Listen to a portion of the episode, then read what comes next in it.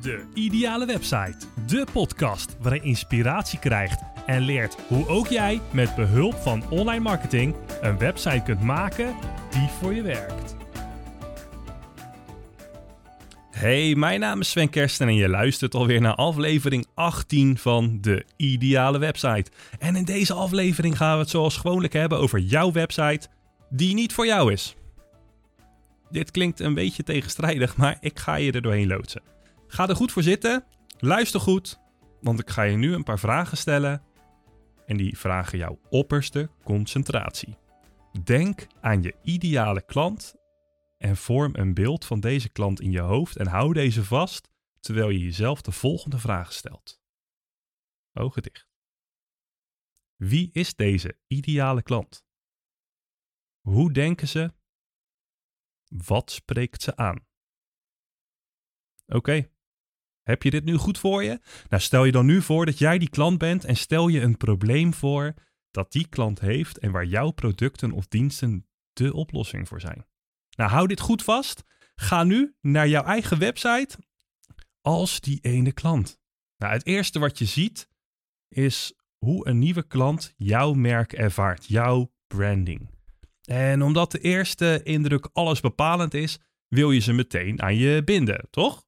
Nou, als je je begint in te leven in je klant, sluit je je meer aan bij wat hij of zij nodig heeft. Nou, ik ga jou een aantal tips geven die een belangrijke rol spelen bij het converteren van jouw bezoeker naar een klant. Nou, 1. Zorg voor boeiende inhoud. Want bezoekers die hebben de gewoonte om als een malle door een pagina te scrollen en als ze deze nog nooit hebben gezien. Als ze die pagina nog nooit hebben gezien, dan scrollen ze echt als een malle doorheen en je bezoeker die slaat alleen op wat duidelijk en boeiend is voordat hij of zij terugscrollt naar boven om die ene paragraaf toch nog even volledig te lezen. Dus die pagina-koppen die zijn heel belangrijk. Nou, probeer te lezen zoals een bezoeker dat voor het eerst zou doen. Kijk uit die ogen van je bezoeker en ga op zoek naar de boeiende content. Nou, gaat de inhoud in één oogopslag meteen in op het probleem dat je hebt? Zijn er dus aansprekende titels, die koppen? Spreekt de inhoud tot je in plaats van tegen je? Is het taalgebruik aantrekkelijk? En nodig het je uit om verder te lezen? Nou, als je pagina hier allemaal aan voldoet, dan ben je echt goed op weg. 2. Duidelijke navigatie. Nou, het is echt super belangrijk dat je bezoeker zich niet verloren voelt op jouw website. Als jouw menu namelijk verstopt is, dan zullen ze niet lang blijven hangen. En als het te veel klikken kost om je producten of diensten te vinden, dan zullen ze weggaan van je website en de bounce rate in Google Analytics gaan verhogen. Nou, en die bounce rate die is enorm belangrijk. Die bounce rate betekent iemand komt op jouw pagina en die is binnen een paar seconden alweer weggeklikt. Dat betekent dat iemand op een pagina is gekomen die niet aantrekkelijk is en Google denkt dan, oké, die pagina is niet aantrekkelijk, krijgt een paar minpuntjes en wordt in het vervolg iets minder snel getoond. Want ik zie dat heel veel mensen naar deze pagina komen en eigenlijk wel heel snel weer weggaan.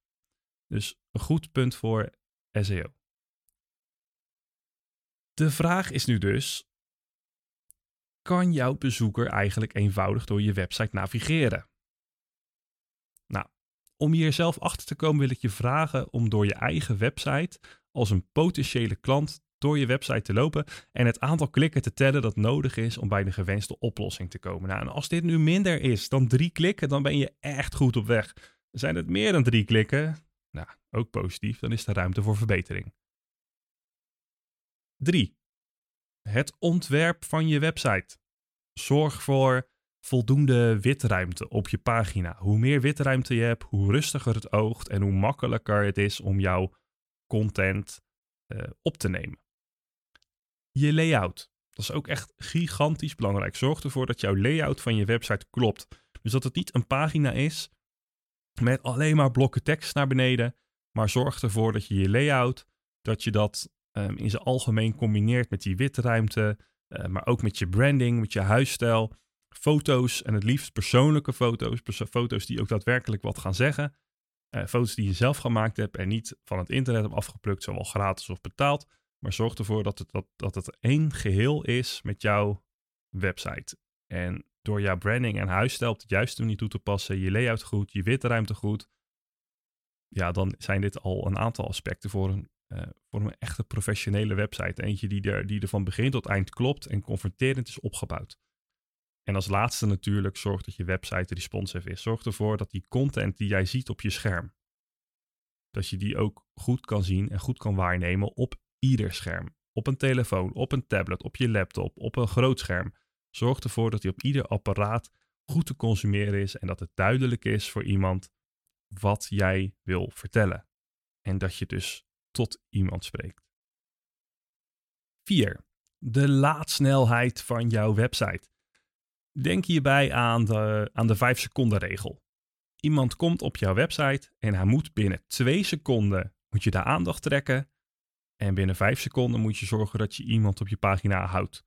Gaat iemand binnen 5 seconden weg, misschien 7, dat is op zich ook niet zo erg. Maar gaat iemand binnen 2 seconden zien wat jij wil vertellen en blijft hij op je website, dan ben je goed bezig.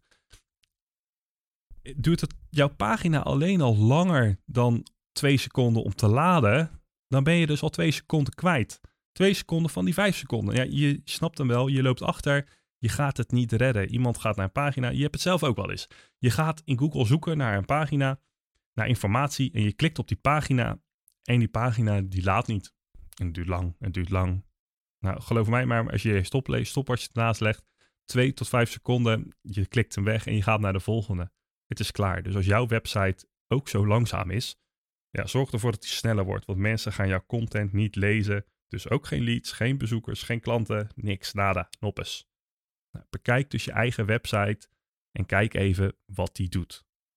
5. Een call to action. Nou, het is een hele mooie Engelse term dat de actie omschrijft die genomen moet worden op iedere pagina van jouw website. Ja, je hoort het echt goed.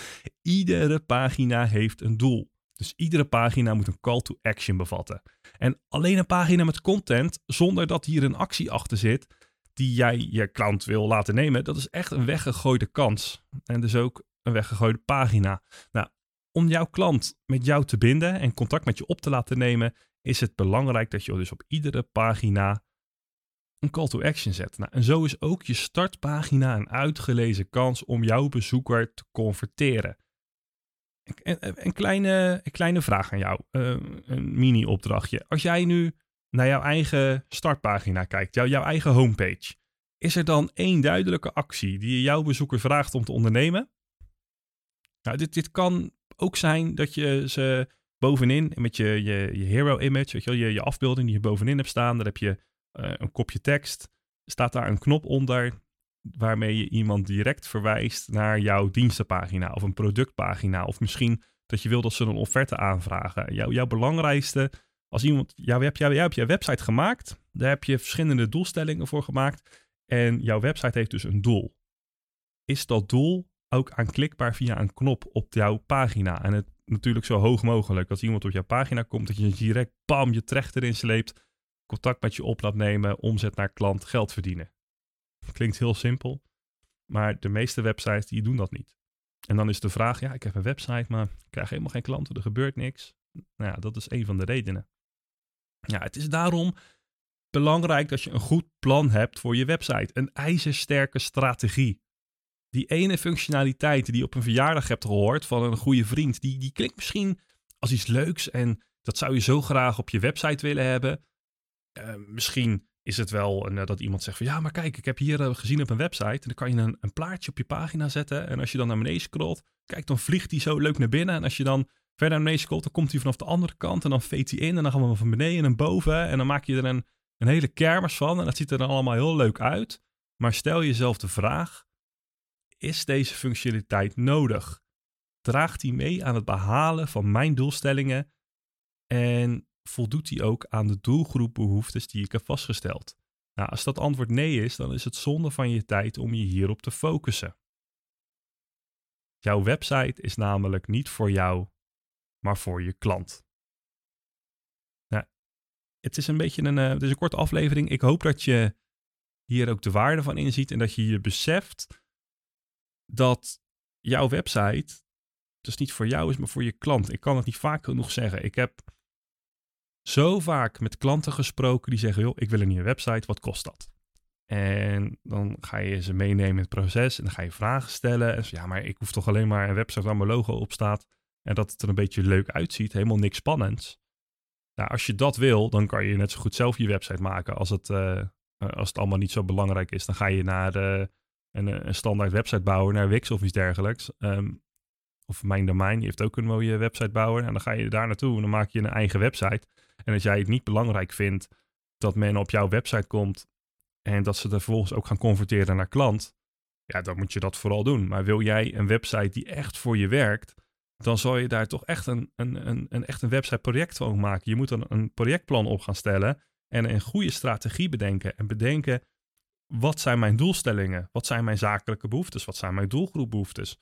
Wat, wat is het wat ik doe? En wat is er voor nodig om mijn klant te laten zien dat ik de juiste persoon ben om dat probleem op te lossen? Dat ik de enige persoon ben om dit probleem op te lossen? als je dit goed doet, en dat betekent dus ook dat je een website echt niet in een paar dagen de lucht in kan gooien. Het, het maken van zo'n plan, daar, daar, gaat, daar gaat zomaar een, uh, een week, twee weken kan daaraan vooraf gaan en misschien nog wel meer. En op het moment dat het hele plan duidelijk is en je weet precies wat je wil, ja, dan is het vervolgens uh, een fluitje van een cent, zeg maar, om, om een website daadwerkelijk dan ook te gaan maken. Maar het allerbelangrijkste is, houd je aan je plan. Bedenk goed waar je het voor doet. Je doet het voor je klant. Ja, en natuurlijk, uiteindelijk doe je het ook voor jezelf. Want het is wel eh, ehm, een investering die je doet. En dat geld, dat, dat moet zich weer gaan terugverdienen. Maar de pagina's die je schrijft of laat schrijven, die zijn voor je klant. En je zou moeten ervoor zorgen dat je je daarmee verbindt. En het is niet de bedoeling dat jij een website maakt, dat je daar zelf iedere dag naar gaat kijken. En dat je dan klant van jezelf wordt of zo. Dat is raar. Nou goed, denk daar even over na. En bekijk jouw eigen website goed door de ogen van jou, van jouw doelgroep.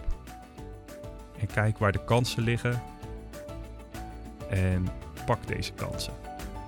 Ga jouw website verbeteren en zorg ervoor dat jij een conversiegerichte website maakt die voor jou werkt. Een conversiegerichte marketingmachine, een knaller. Iemand die, die jouw klanten binnentrekt en jouw omzet gaat verhogen dit jaar. Jouw succes is mijn succes. Onwijs leuk dat je hebt geluisterd naar deze podcast. Ik zou het ook onwijs leuk vinden als je deze podcast zou willen delen op je eigen social media, zodat ook anderen wat hebben aan de kennis die ik net met je heb gedeeld. Daarnaast zou ik het ook enorm waarderen als je de tijd en moeite zou willen nemen om een review achter te laten onder deze podcast. Biedt jouw app deze mogelijkheid niet? Klik dan op de recensielink onder in de omschrijving van deze podcast en schrijf iets leuks. Voor nu bedankt voor je tijd en je hoort mij weer in de volgende podcast, de ideale website.